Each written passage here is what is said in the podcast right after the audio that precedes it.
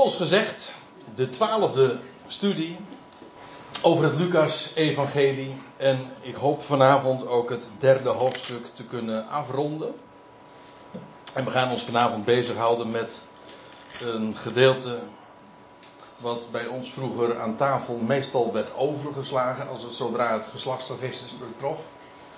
Al, want de gewoonte om bij maaltijden een gedeelte uit de Bijbel te lezen, die zullen velen van u ook wel kennen. Zo ben ik ook groot geworden. Maar eh, bepaalde passages werden dan overgeslagen. En meestal tenminste. En dat waren dan de geslachtsregisters. Want ja, dat was. Uh, saai. Ja, als je dat zomaar leest. En inderdaad, een register, een geslachtsregister. Dat geldt trouwens voor veel meer dingen ook in de Bijbel. Die zijn eigenlijk helemaal niet eens zozeer om voor te lezen. Een, uh, een register is toch niet om voor te lezen.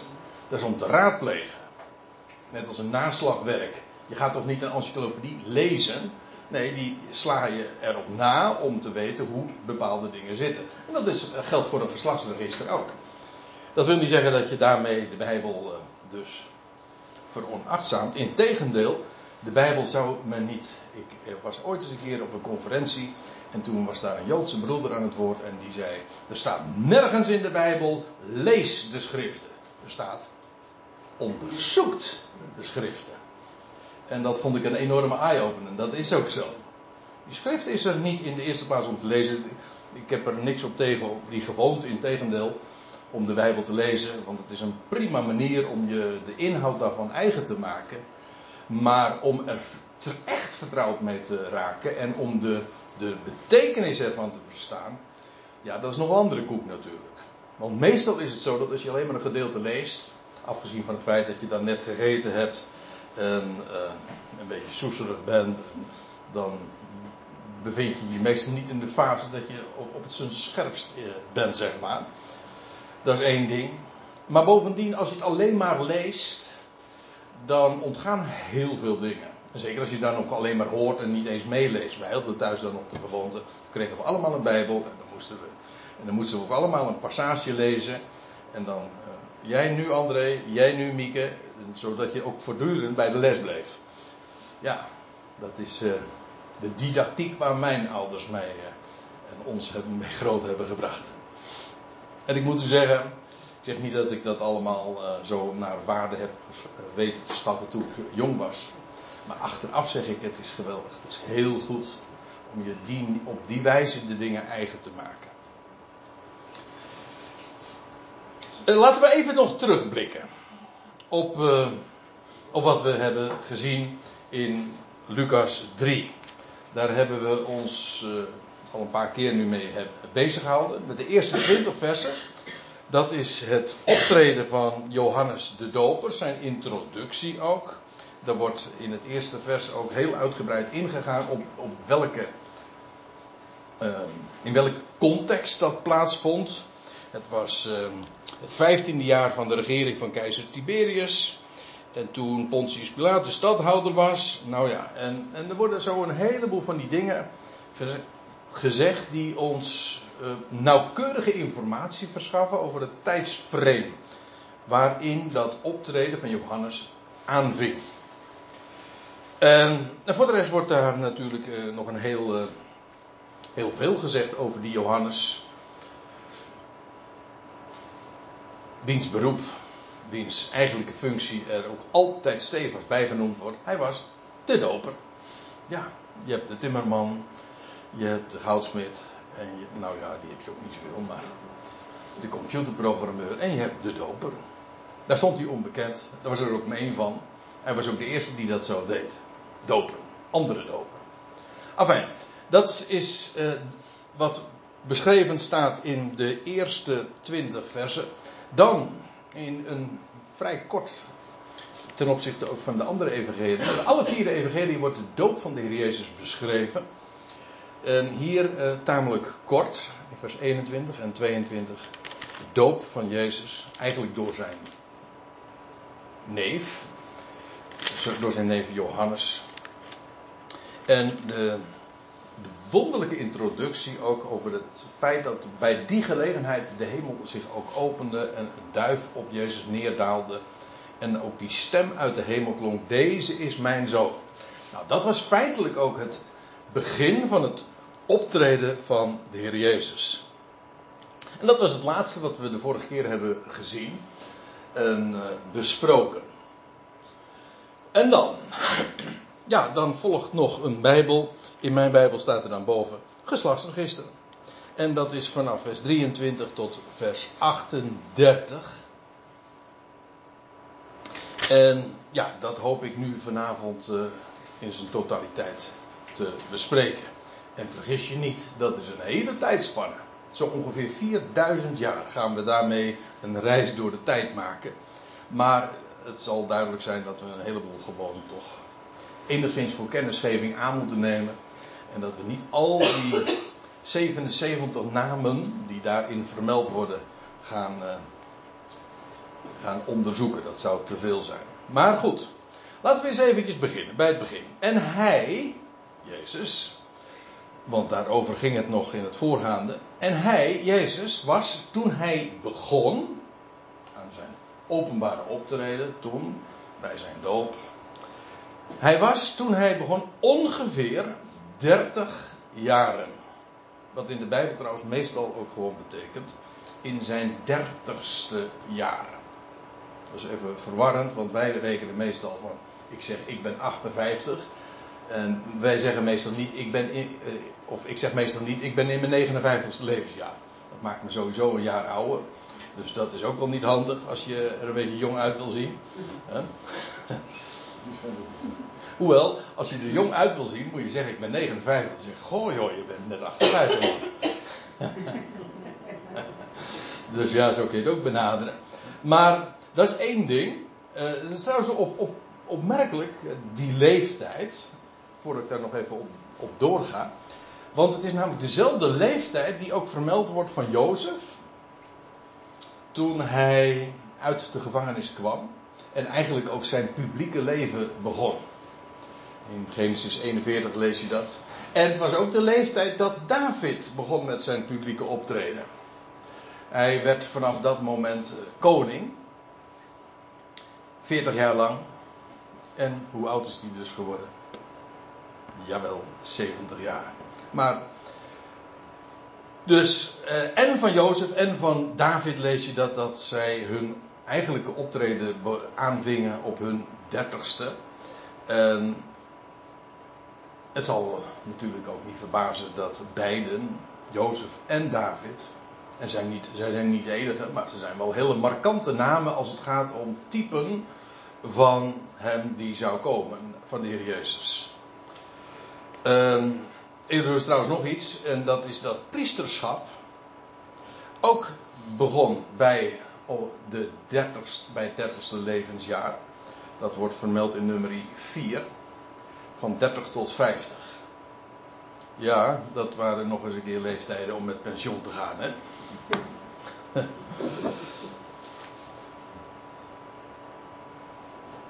dat. Uh, kom je, daar kom je tegenwoordig niet verder mee. Maar goed, eh, van 30 tot 50, eh, dat was de tijd dan dat men uh, priester was. Ik meen tenminste dat het op die wijze beschreven staat. In ieder geval op 30-jarige leeftijd ving dat dan aan. Dan nog iets, er staat ongeveer, omtrent uh, 30 jaren. En ik denk dat, dat betekent eigenlijk dat hij dus niet precies 30 jaren was. En ik zal straks ook even een tijdlijn geven dat ik denk dat hij bijna 30 was. Dat zou strikt genomen ook kunnen betekenen dat hij meer dan 30 was. Ongeveer 30 jaar. Betekent, eigenlijk betekent ongeveer 30 jaar. Hij was geen 30, maar hij was het ongeveer. Dat, was, dat geeft dus een, een marge van 29 of 31, zoiets. Ik denk eerlijk gezegd dat hij bijna in zijn 30ste levensjaar was. Volgens mij hebben we het de vorige keer er al even over, over gehad, of in ieder geval aangestipt. Dan moet ik er nog bij zeggen, hij is, ik zal het straks ook duidelijk maken waarom ik dat denk. Hij was bijna in zijn 30ste jaar, maar dat betekent dus dat hij eigenlijk in zijn 29ste jaar dus was. Toch? Maar als je dat zo zegt, dan was hij dus, hoe oud? Wij zouden zeggen, was hij dus nog 28 jaar oud. Ja, En dat, ik denk eerlijk gezegd dat dat het geval is. En ik zal dat laten zien aan de hand van een, korte uh, tabel. Ik, uh, we hebben het al eerder over gehad. Ja, het is heel slecht te lezen zeker, hè? Maar goed, ik wil eventjes... Maar goed. Ja, ik meestal. Maar om een overzicht te geven, ik heb hier eventjes een tabel gemaakt van uh, ja, 34 jaren. Nee, eigenlijk nog meer. Maar in ieder geval zo'n reeks. En om dat er dan op deze manier in te vermelden, heb ik maar even zo gedaan. Ik, uh, we hebben het erover gehad dat de Heer Jezus dus op 10 Nisan is geboren. En dat moet in min 3 geweest zijn. In 3 voor Christus dus. Ik noem het maar even Anno Domini. Dat wil zeggen uh, in onze gewone tijdrekening. Het klinkt heel erg vreemd natuurlijk dat de Heer Jezus in 3 voor Christus is geboren. Maar ja, dat komt omdat onze tijdrekening niet helemaal nauwkeurig is. Ik zeg dit overigens, voor zover, voor zover ik dit weet en kan invullen. En ik geef het door voor wat het waard is.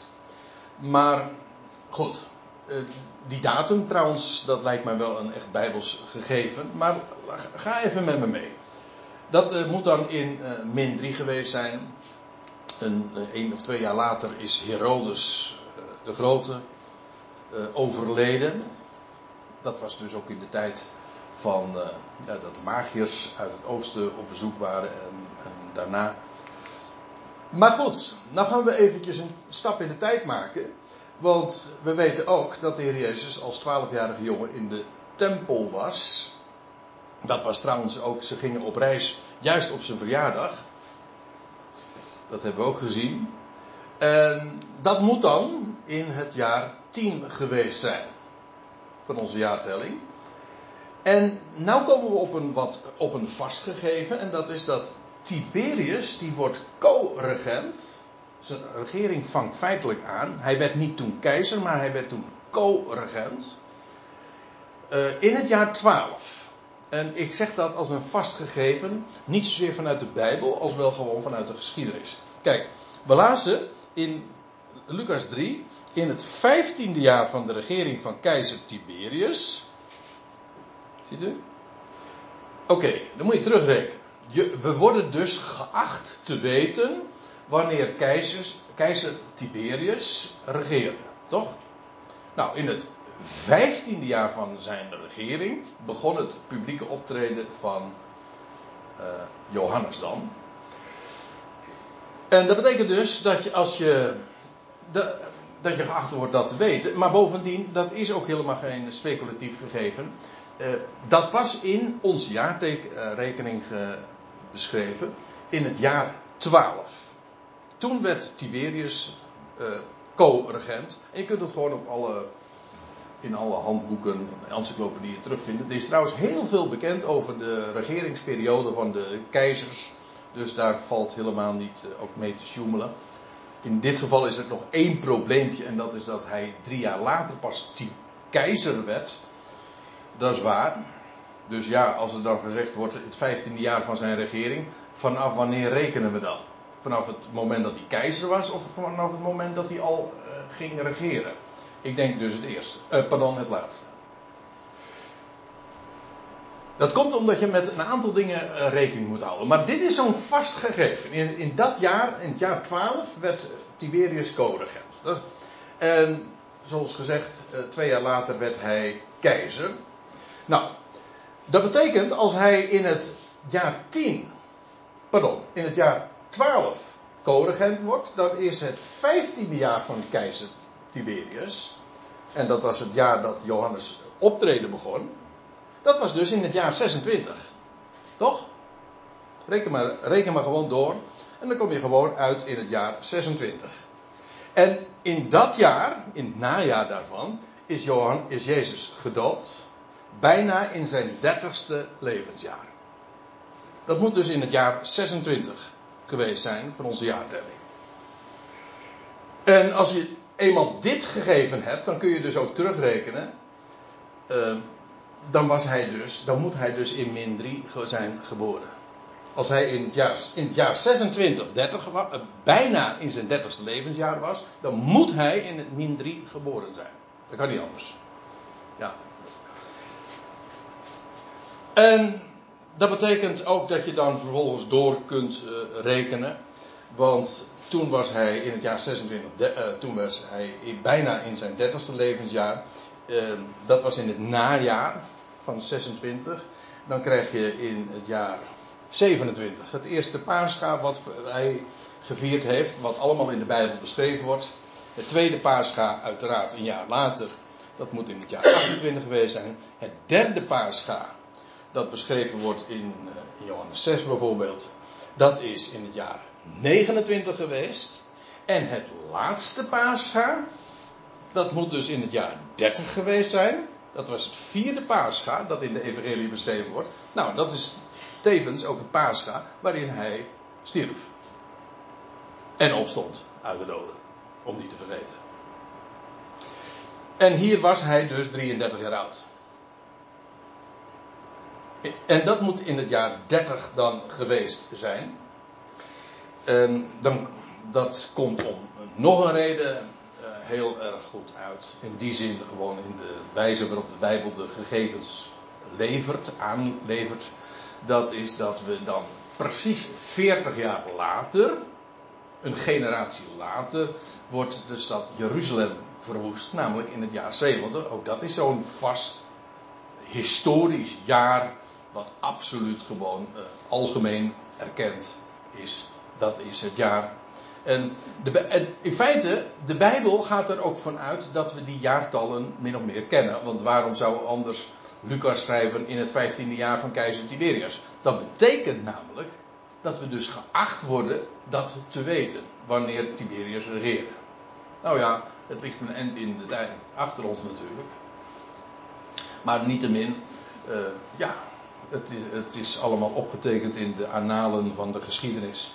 En daar bestaat ook geen twijfel over. Zodat we die dingen dus allemaal kunnen, kunnen neerzetten in zo'n tijdtabel. Ja, zou, ik zou graag nog verder willen gaan in de tijd. Maar dat zou te ver voeren. Want, kijk, je krijgt dan uh, nog weer 3,5 jaar later dat. Uh, dat is ook in het najaar geweest van drie, in het jaar 33 dat Stefanus werd uh, gestenigd. En dan krijg je vervolgens eh, het jaar 4000 dat dan aanvangt. Het jaar 4000 gerekend vanaf Adam. Nou ja, dat zijn allemaal van die eh, chronologie dingetjes. Het is wel heel boeiend. Dat betekent dus dat, dat bij het optreden van de heer Jezus bijna vier millennia voorbij waren sinds Adam. Ik heb bij een andere gelegenheid eens een keer heel uitgebreid, een seizoen lang, uh, die, hele, die, die hele tijdtabel zo gevolgd. En dat is zo enorm fascinerend. Als er iets is wat je bevestigt in de Bijbelse waarheid als echt door en door historisch, maar ook wat je bepaalt bij goddelijk ontwerp, dan is het dat wel. Ik heb dat, uh, en ik heb vele anderen gehoord die, die dat ook, die, die, die studies uh, hebben gevolgd of gelezen of beluisterd. En die zeggen van wat is het adembenemend zoals het, het design van de schrift is. Dat kan alleen maar God zijn die dat op die wijze zo ontwerpt en bepaalt. Precies wat je van God ook mag verwachten. Zoals hij in een hele natuur alles ook ontwerpt en dat daar planmatig en regelmaat in zit. Zo is dat ook in de chronologie van de schrift. Maar goed, uh, dit zeg ik eventjes omdat we ons bezighouden met, uh, met Lucas 3 vers 23 waar gewoon staat, Jezus was toen hij begon ongeveer 30 jaar. Nou, dat moet dus, als je het eventjes in onze tijdrekening neerzet, dat moet dan in het jaar, in het najaar van 26 geweest zijn. We gaan verder. Hij was een zoon gewettigd van Jozef. In de Statenvertaling en de MBG-vertaling dan staat er naar men meende. Uh, ik begrijp wel wat men daarmee bedoelt natuurlijk. Want hij was niet echt in de, in de biologische zin van het woord een zoon. Maar het is niet zozeer naar men meende, maar gewettigd. Er staat namelijk in het Grieks, ik heb er eventjes een, een plaatje van gemaakt. Uh, dit Griekse woord, en daar staat inderdaad het woordje nomi. U ziet het hier ook, nomi. Nou, en dat is, heeft ons, met ons woord nomos te maken met wet. Economie, weet je wel. Dat soort uh, begrippen. In ieder geval, um, het idee is niet zozeer van men meende dat hij een zoon was. Nee, het, hij was gewoon wettig gezien de zoon van Jozef. En, en moeilijker is het uh, niet. En, nou, en dat is feitelijk de inleiding op, de, ja, op het geslachtsregister. Want hier wordt gezegd van wie, die, wie Jezus is, uh, op welke leeftijd hij zijn publieke optreden aanving. En uh, naar de wet gesproken was hij een zoon van Jozef. Hoewel we natuurlijk inmiddels al vanuit het Lucas-evangelie al donders goed weten dat het uh, allemaal anders was. Namelijk dat, dat hij helemaal niet via tussenkomst van Jozef ter wereld is gekomen. Want hij is de zoon van God. Maar niettemin, naar de wet gesproken, was hij een zoon van Jozef. Nou, en nou komen we op een aantal dingen waar, uh, nou, daar kun je echt uitgebreid over gaan spreken. Dat wil ik niet doen, ik wil het gewoon uh, wat eenvoudig houden. Maar er zijn een paar kwesties die echt, uh, op zijn Engels gezegd, huge zijn. Hè? groot zijn als het gaat over wat zoals, zoals, wat Lucas hier zegt over het geslachtsregister van de heer Jezus. Er zijn een, een, tweetal kwesties met name. Die enorm de aandacht trekken en die nogal problematisch zijn. En het eerste en misschien wel het grootste kwestie is. De, dit gegeven. Jozef. Oké, okay, Jezus was een zoon, wettig van Jozef. Oké. En dan staat er van Eli. Jozef van Eli. Als je dit gewoon leest in de MBG-vertaling of in de Statenvertaling, dan staat er bij, en let op, in het hele register vind je dat iedere keer, dat er staat de zoon van Eli. Dan staat er Jozef, de zoon van Eli. En dan staat er de zoon van, nou ja, nee, wat was het ook weer? Heb ik me er zo uitgebreid mee bezig gehouden, weet ik deze al niet meer. De zoon van Matat, de zoon van Levi, de zoon van Melchi, nou enzovoort. Er staat er iedere keer de zoon van, de zoon van, de zoon van, de zoon van, de zoon van. Ik moet erbij zeggen, als u een statenvertaling hebt, dan wordt het er wel, um, wordt u eigenlijk gewaarschuwd, want dan wordt dat in lightface of in cursief, wordt dat uh, weergegeven, de zoon van, waarmee men aangeeft, in de grondtekst staan die woorden de zoon van er niet. Maar omwille van de duidelijkheid hebben wij het eh, voor de Nederlandse lezer erbij gevoegd. Maar men waarschuwt feitelijk door het in cursief of in lightface weer te geven van het staat niet in de grondtekst. En dat is heel netjes, want dan word je feitelijk dus eh, erbij bepaald van, oh wacht even, hier moet ik even opletten.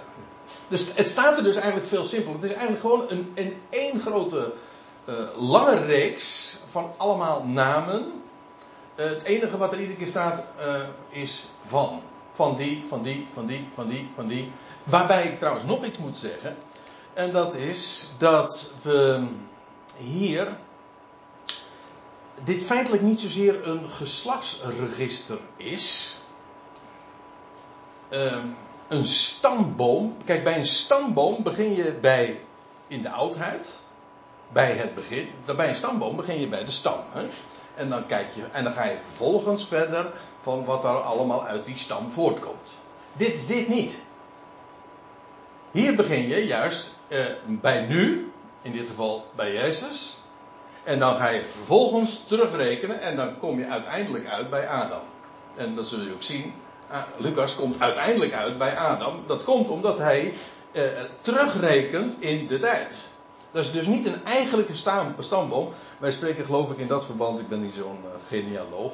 Dus uh, dat is iemand die zich uh, beroepsmatig of als interesse zich erg bezighoudt met geslachtsregister. Ik had een paar gasten in de familie die, die daar namen mee hebben gemaakt en jaren van hun leven altijd maar in allerlei centra zaten. Tegenwoordig gaat het allemaal veel makkelijker via internet. Maar dan, ja, in, dan zit je in die, hoe heet dat? Dan ga je in grote archieven. En die hebben in Aalsmeer destijds, want daar, liggen mijn roots dan. En die hebben daar hele uh, boeken uh, gepubliceerd. Over allemaal Aalsmeerse families, zoals u dat hier ook in Katwijk hebt. En dan, uh, en dan spreekt men, geloof ik, van een kwartierstaat. Hè. Bijvoorbeeld als ik een kwartierstaat maak van mij, dan zeg ik van nou, ik heb, ik heb twee ouders, een vader en een moeder. En, maar ik heb vier, ik heb twee ouders, maar ik heb vier grootouders. En ik heb acht Iedere keer het dubbele. Ik heb acht overgrootouders. En ik heb 16 bedovergrootouders. En 32, iedere keer gaat verdubbelen. Dat is een heel eigenaardig fenomeen. Maar in ieder geval, dan ga je dus terug in de tijd. Dat noemen ze een kwartierstaat dat is wat Lucas doet. Lucas gaat dus terug in de tijd. En dat is uh, een belangrijk punt. Er staat, er staat dus niet dat Lucas uh, spreekt over de zoon van. Want het gaat, als, laat ik het anders zeggen. Als je spreekt in de Bijbel over zoonschap, dan gaat het altijd over erfrecht.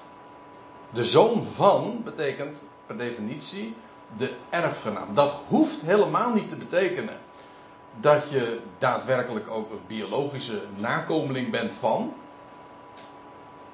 Maar gewoon, je bent een, erfgenaam. Uh, je bent een erfgenaam. Dus een zoon is een erfgenaam, zo zegt Paulus het ook. Hè? Zijt je zonen, dan ben je ook erfgenaam. Die begrippen zijn zelf min of meer onderling uitwisselbaar. Kijk, in, het is bekend, we hebben, men zegt dan, we hebben twee geslachtsregisters van de Heer Jezus, namelijk in Lucas, hier dus, in Lucas 3, en we hebben er één in Matthäus, Matthäus 1. Matthäus begint eigenlijk, het Nieuwe Testament begint met de geslachtsregister. Maar dat is een heel ander verhaal. Waarom? Omdat Matthäus, die begint bij Abraham. En die gaat dan vervolgens, dat is echt een stamboom. Die gaat vanaf Abraham, uh, gaat hij uh, door de tijd en komt hij bij Jezus Christus uit. Die, dat is een tijdspanne van zeg maar 2000 jaar. Um, dan volgt hij ook nog weer een heel specifieke structuur. Drie keer veertien geslachten. Nou ja, dat is een uh, verhaal apart. We hebben het nu niet over Matthäus. Maar ik wil even het verschil laten zien. Matthäus laat echt een stamboom zien. En eigenlijk nog sterker. Bij Matthäus. Die gaat dus chronologisch. Dat wil zeggen, hij begint bij het begin. En hij gaat gewoon zo verder. Uh, gaat hij uh, uh, via, begint hij bij Abraham en gaat hij zo via David dan verder en komt hij uit bij Jezus Christus. En dan gaat het ook werkelijk om een erfenis. Ik denk dat dat een heel belangrijk verschil is met dat van Lucas. Bij Lucas, die spreekt niet over zoonschap. Die zegt gewoon van, nou, die kwam van die en die was van die en die was van die. Dan gaat het ook over lijfelijke na uh, voortplanting, zeg maar. Bij Matthäus gaat het eigenlijk over een. Het is een register van troonpretendenten. Allemaal mensen, in ieder geval vanaf David sowieso gerekend, is het een register van mensen die aanspraak konden maken op de troon. David, Salomo, nou, en zo gaat het verder. Dat hoeft dan helemaal niet eens een lijfelijke nakomelingschap te zijn. Ik zal dat ook straks ook laten zien. Uh, en ik denk, en eh, in dit verband ook van, uh, van Jozef, van wie was er, van wie was die er een, hè? zeggen ze dan. Um, dat is altijd natuurlijk, het is ook een bekende titel voor, uh, voor een, uh, voor een, een roddelrubriek natuurlijk, als je zegt van wie was de echte vader? Dan denk je meteen, oeh. Maar dit is ook zo'n kwestie. Wie was nou de vader van Jozef? Want, nou ja, eh, als je Lucas 3 leest, staat er gewoon Jozef van Eli. Er wordt niet dus over de zoon van gesproken, want dan zou je nog kunnen zeggen van ja, maar dan gaat het over erfrecht. Nee, hij was gewoon Jozef van Eli. En ik denk dus uh, inderdaad dat Jozef de zoon, uh, echt de lijfelijke zoon was van Eli. Maar, en nou gaat, want ik zou je de vraag kunnen stellen, maar waarom, wat, waarom zit je nou zo moeilijk te doen, André? Nou, dat ik zal het vertellen. Er staat namelijk in Matthäus 1, vers 16: Jacob verwekte Jozef, de man van Maria, uit wie Jezus geboren is, die, die Christus genoemd wordt. hey. En dan zegt men, de Bijbelcritici, die niet verder kijken dan hun neus lang is, want zo is het echt. Die zeggen, hé, hey, dat is een tegenstrijdigheid, want Lucas zegt dat Eli, de Eli of Heli, dat is een spellingskwestie, uh, de zoon was van Jozef, uh, de vader was van Jozef. En Matthäus zegt dat Jacob dat was. Kan niet. Nou zijn er nogal wat verschillende theorieën hierover uh, die de omloop doen. Dus ik zou zeggen, luister ook gewoon kritisch naar mij, dat moet je altijd doen. Maar ik, ik, ik, kan ook al op alle kwesties die hiermee verwant zijn ook niet ingaan. Ik wil, ik wil wel even een paar aantekeningen maken. En dat is de eerste is deze. Als hier staat Jacob verwekte Jozef. Uh, in de Statenvertaling staat dan Jacob gewon Jozef. In het Grieks staat daar het woordje genao. En wij herkennen meteen dat woord. En dat is genetica, maar eigenlijk ons woord genereren. Dus ik denk dat het ook veel beter is. Jacob genereerde Jozef. Dat waarom? Omdat het begrip genereren veel breder is dan verwekken. Verwekken is een echt een, ja, iets wat verband houdt met de, de voortplanting. Ik moet er trouwens bij zeggen, dit, ditzelfde woord genao, dat heeft ook, dat is, want wij, wij denken dan meteen aan het aandeel van de vader, van de man. Maar in de Bijbel blijkt dat woordje genao ook wel degelijk betrokken te zijn op het aandeel van de vrouw. Ook de vrouw verwekt, dat wil zeggen brengt voort, genereert. Dan zie je dat het woordje verwekken daarom ook niet juist is. Want bij ons is verwekken een begrip dat echt gelieerd is aan dat wat de man aan de voortplanting bijdraagt. Dat is niet zo heel erg veel, maar uh, niettemin essentieel. Maar, maar in de Bijbel is dat niet zo. Genereren uh, heeft te maken met voortbrengen. Maar het is feitelijk nog breder. Want het is niet eens een begrip dat per definitie verband houdt met voortplanting. Niet noodzakelijk. Dat kan wel begrip is breed genoeg om dat ook in te sluiten. En het kan zelfs wel de hoofdbetekenis zijn. Maar het is daartoe niet beperkt. Genereren wil gewoon zeggen. Je, ja, je brengt iets voort. En ik zal u wat vertellen. Als je nou dat register, dat is nu niet het onderwerp, maar als je dat register in Matthäus bekijkt, dan staat, dan staat er bijvoorbeeld van Jegonja die gewon of genereerde Sealtiel. Maar die ja, ik kom er straks op terug, die was kinderloos. En nou heb je een probleem.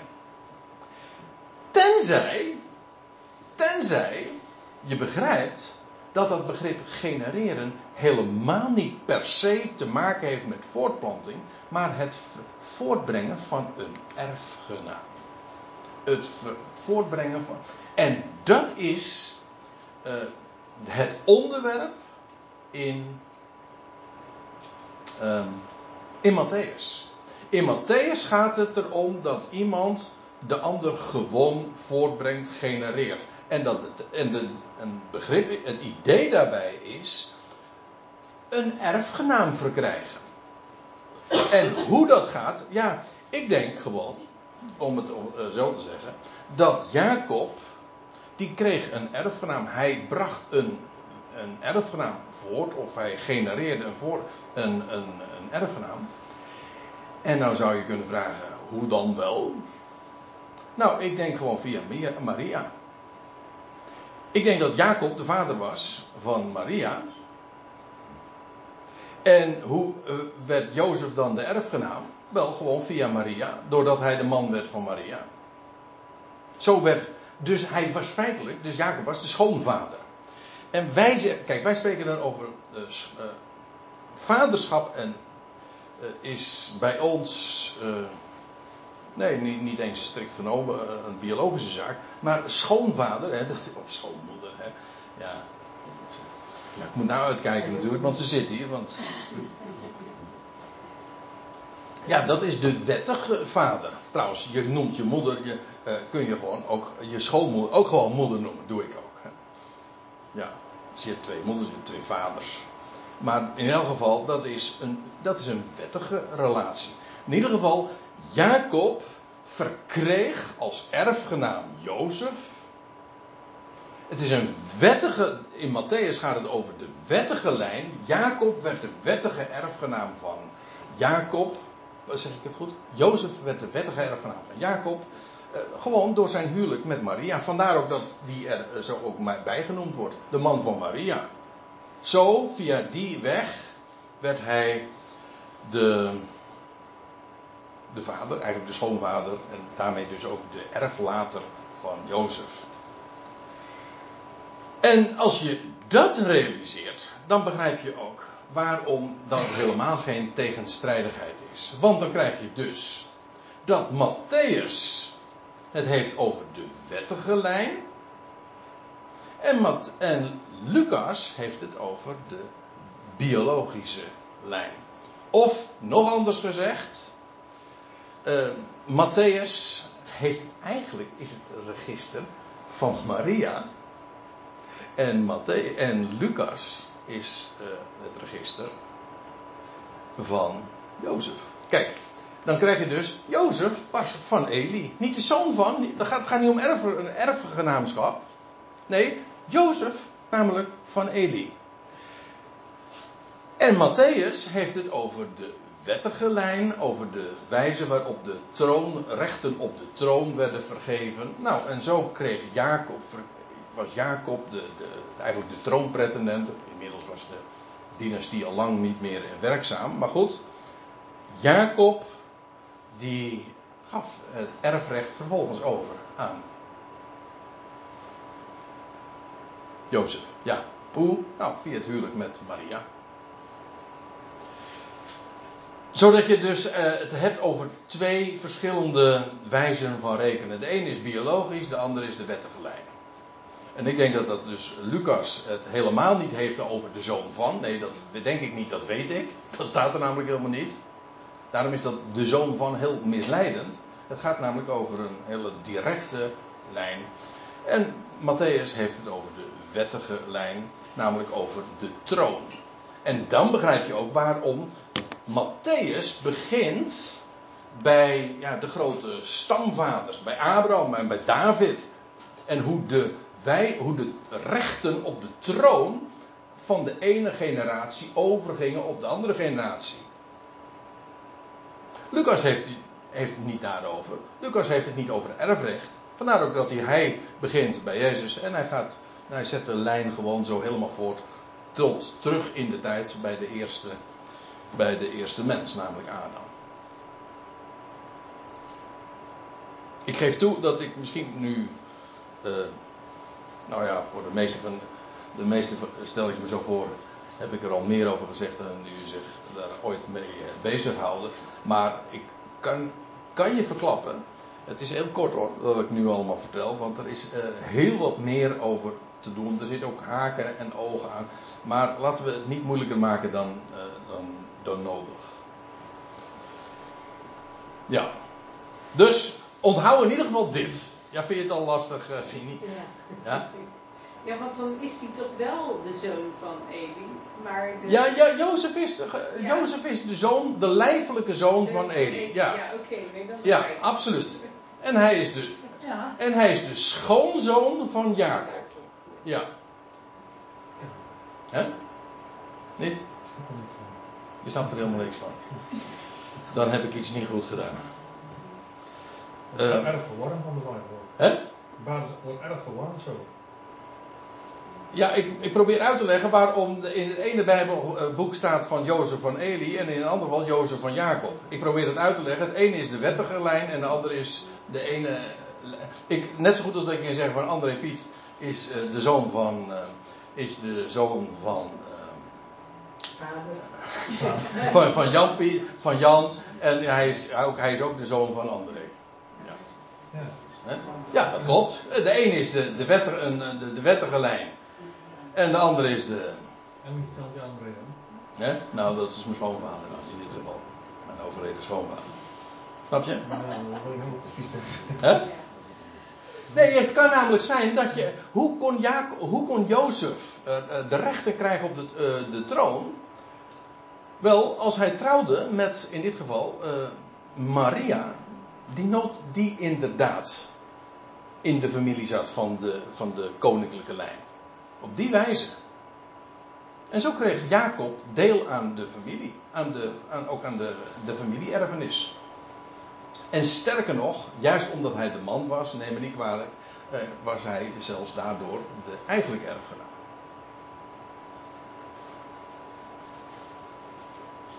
Ja.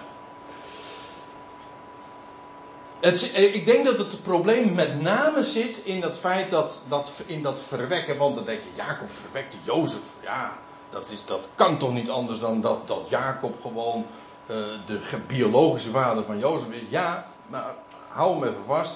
Dat verwekken is eigenlijk gewoon genereren, voortbrengen. En dat heeft een veel bredere betekenis dan wij. En daarom, daarom heb ik ook die kritiek op dat woord verwekken. Want dat, uh, dat denken wij meteen aan voortplanting, terwijl dat niet per se de gedachte is.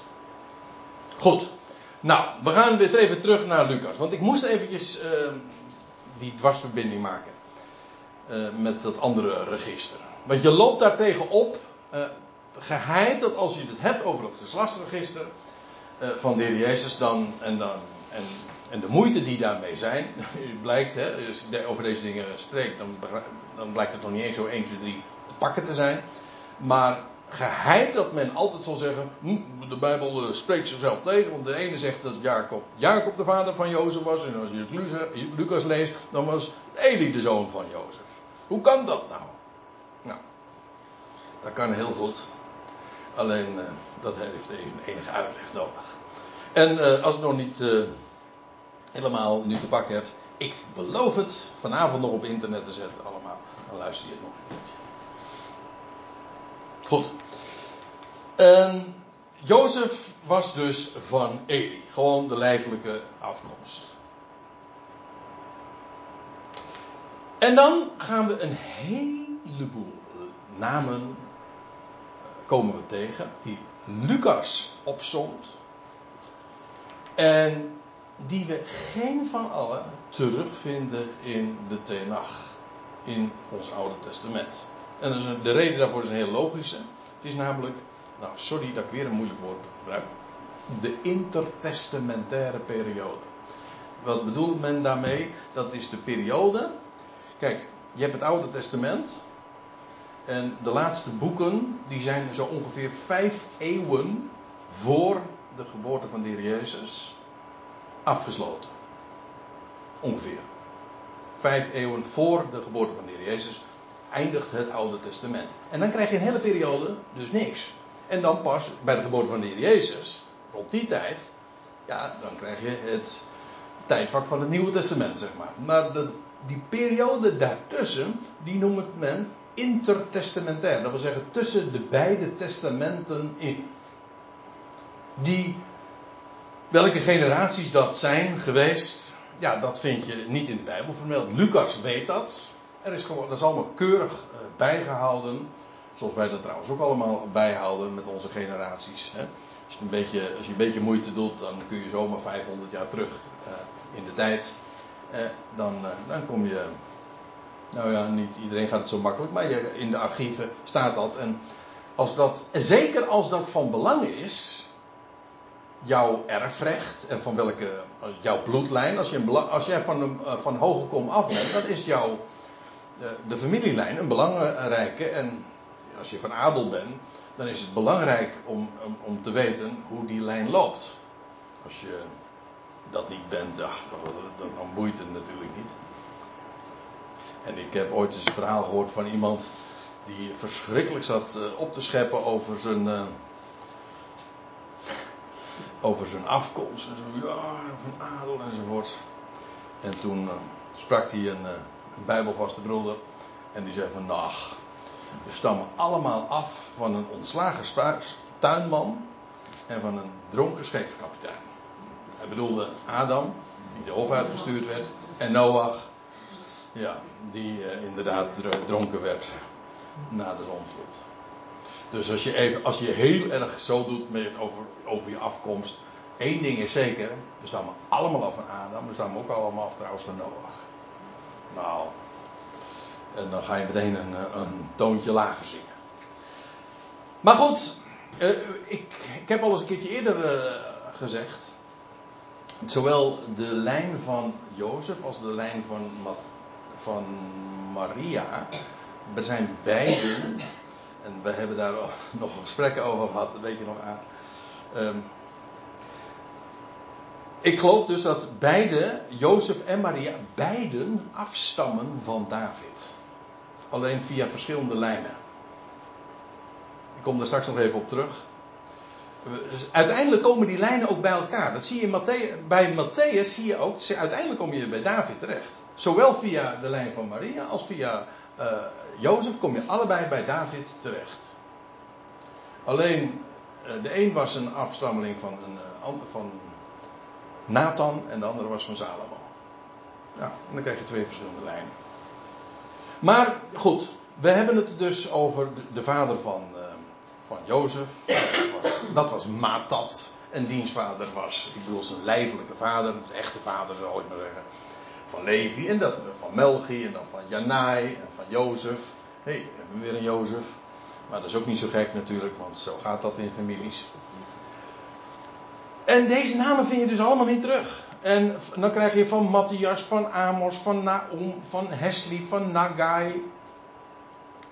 Ook hier zeg ik weer, ik heb het gewoon gekopieerd en geplakt. Ook deze namen vinden we niet terug in de Tenach. Het is de zogenaamde intertestamentaire periode. Eh, honderden jaren dus. Hè. En dan van, Ma van Matthias, van Semein, van Jozek, van Joda. Is dat interessant om voor te lezen? Helemaal niet. Maar daar gaat het ook helemaal niet om. Het gaat om een register. Dat is het. Die lijn wordt hier zo gevolgd. En Lucas heeft hier gewoon, we weten dat hè, dat zegt Lucas ook aan het begin. Hij zegt, ik heb zeer nauwkeurig kennis genomen van de, van de dingen en van de hele historie. En vandaar ook dat hij zo buitengewoon precies is in het beschrijven, ook van de namen van het tijdstip en dergelijke. En hij heeft dus ook toegang gekregen tot het familiearchief. En hij heeft dus dit allemaal opgetekend. Dat verzeer je niet. En deze hele periode, van maat, nou ik zei al, we gaan een heleboel generaties slaan wij gewoon over. We nemen het voor kennisgeving aan, oké. Okay. Maat, van wie, was de, van, van wie was dat erin? Nou, van Matthias. En van wie, van wie was dat erin? Nou, van, van Semein. Nou, enzovoort. En dat was er eentje van Jozek, en dat was er een van Jodak, Joda. En dat van Joanan. Ik moet er trouwens nog iets bij zeggen. Dat is ook een beetje een lastig ding. Ja, er zitten wel wat haken en ogen. Er zit, er zit nog iets anders in met die namen. En dat is, dit zijn allemaal Hebreeuwse namen, maar op vanuit het Hebreeuws zijn ze overgezet in het Grieks. En dan gebeuren er allerlei dingen. Dat, gebeurt, eh, dan, dat is altijd zo. Hè? Als je een naam overzet in een andere taal, of met een heleboel namen, dan krijg je ineens, moet je maar eens opletten, hè? dat een Amerikaan eh, Nederlandse namen gaat, uh, gaat spellen. Om het wat te noemen. Dan krijg je hele, hele vreemde uitspraak. En als hij dat dan ook nog eens een keertje gaat spellen, gaat, gaat optekenen, dan, dan krijg, je, krijg je andere namen. En zo krijg je, heb je, dat is ook de reden bijvoorbeeld dat de, de een zegt, uh, als je Rooms-Katholieken hebt, die spreekt niet over Noach, maar over, weet je wat? Noé. Ja, Noé, ja. En dat heeft, dus puur een spellingskwestie, omdat dat dan ook weer te maken heeft met uh, vanuit het Grieks dan weer overgezet is in het Latijn. Nou ja, enzovoort. Dus wat we hier zien, het zijn Hebreeuwse namen, ja, maar ze zijn in het Grieks overgezet. En Lucas, die schrijft in het Grieks en dus die, die volgt de Griekse spelling. En dat is soms wel eens lastig, want als je het dan vergelijkt met, met de, de namen zoals we die in het Oude Testament tegenkomen, zeg je, hé, andere naam. Nee, het zijn, dus, uh, het zijn dezelfde namen, alleen ze klinken wat anders. heb je ook bijvoorbeeld met uh, de, de, de G en de H. Hmm. En allerlei uh, letters die wegvallen. Ik zag hier een voorbeeld. Kijk hoor. Methuselah bijvoorbeeld. En de ander zegt Methuselah. En ik heb er hier nog een. He nog. Wordt dan nog. Of uh, Nagor is in de andere Nahor. Nou, dat soort, dat soort spellingskwesties. Die, daar wemelt het van in deze lijst van 77 namen. Dus dat is ook een beetje een, een, een drempel om je deze dingen eigen te maken. nou, en dan krijg je dus, uh, we zijn inmiddels in vers 27. Krijg je Johanan van Re en dan Reza. En dat is de laatste in die reeks van wie we geen corresponderende Bijbelse bronnen hebben. Dat is de laatste in die intertestamentaire periode. Want dan krijgen we vervolg. Nou ja, ik, ik heb ze hier dus. Uh, ziet u hier de kleuren? Dit is de hele lijst die, Johanne, die Lucas ons levert. 77 namen. En al deze namen in het rood. Van Eli tot Reza aan toe. Al die, al die namen. Uh, die vinden we niet terug in, in, in de schrift. Lucas levert ze uit de archieven, uit de familiearchieven van, van Jozef. Ja. Maar dat is het dan ongeveer, want we kunnen dat niet verder natrekken. Verder weer wel. Nou ja, niet alles, maar oké. Nou krijg je nog iets. Ja. Nou, laat ik even alleen de naam doen. Als, als opstapje, zeg maar, dan gaan we pauze houden. Um, als opstapje naar de rest. Nou, want dan krijg je Reza en dan staat er. Uh, van wie was dat er een? Nou, van Babel. hey, en dat is meteen weer Bijbels. Uh, hebben we weer grond onder de voeten. Want die kennen we vanuit de Bijbel. Want Babel, eigenlijk zijn naam betekent zaad van Babel. Eigenlijk betekent dus gewoon een nakomeling in, of geboren in Babel. Dat was een leidend figuur, want na de ballingschap de Babylonische ballingschap, keerde dus een deel van het volk weer terug naar Jeruzalem. En ja, heel Jeruzalem lag helemaal plat. De tempel lag helemaal in puin. Er was niks van overgebleven. En toen keerde men in de dagen van Kores, keerde men weer terug. En dan staat er in Ezra 3 vers 8. In het tweede jaar na hun aankomst bij het huis van God te Jeruzalem. Nou ja, dat was helemaal in puin, daar niet van. Maar goed, men arriveerde daar. In de tweede maand begonnen Zerubabel, de zoon van Zealtiel. hey, maar die zien we hier dus ook. Zealtiel. En Jezua en alle die uit de gevangenschap, dat wil zeggen de ballingschap, naar Jeruzalem gekomen waren, de levieten aan te stellen, om toezicht te houden op het werk aan het huis van de Heer. Serubabel. Serubabel hij is, eigenlijk min of meer, zijn naam wordt in Ezra en Nehemia vaak genoemd, de aanvoerder maar eigenlijk dus feitelijk ook een, een, uh, een uh, iemand uit het Davidisch huis. Dat zullen we straks ook zien.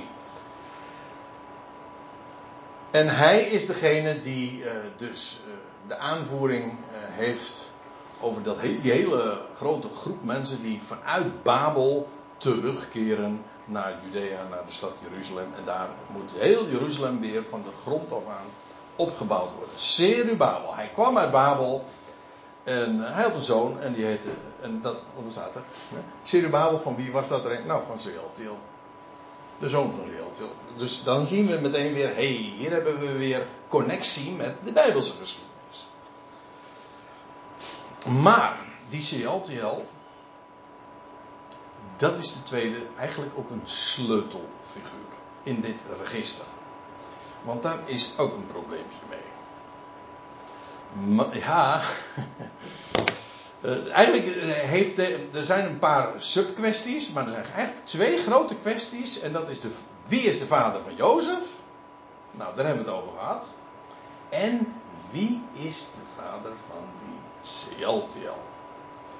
Dat is ook een grote kwestie. En ik stel voor dat we dat even parkeren voor na de pauze.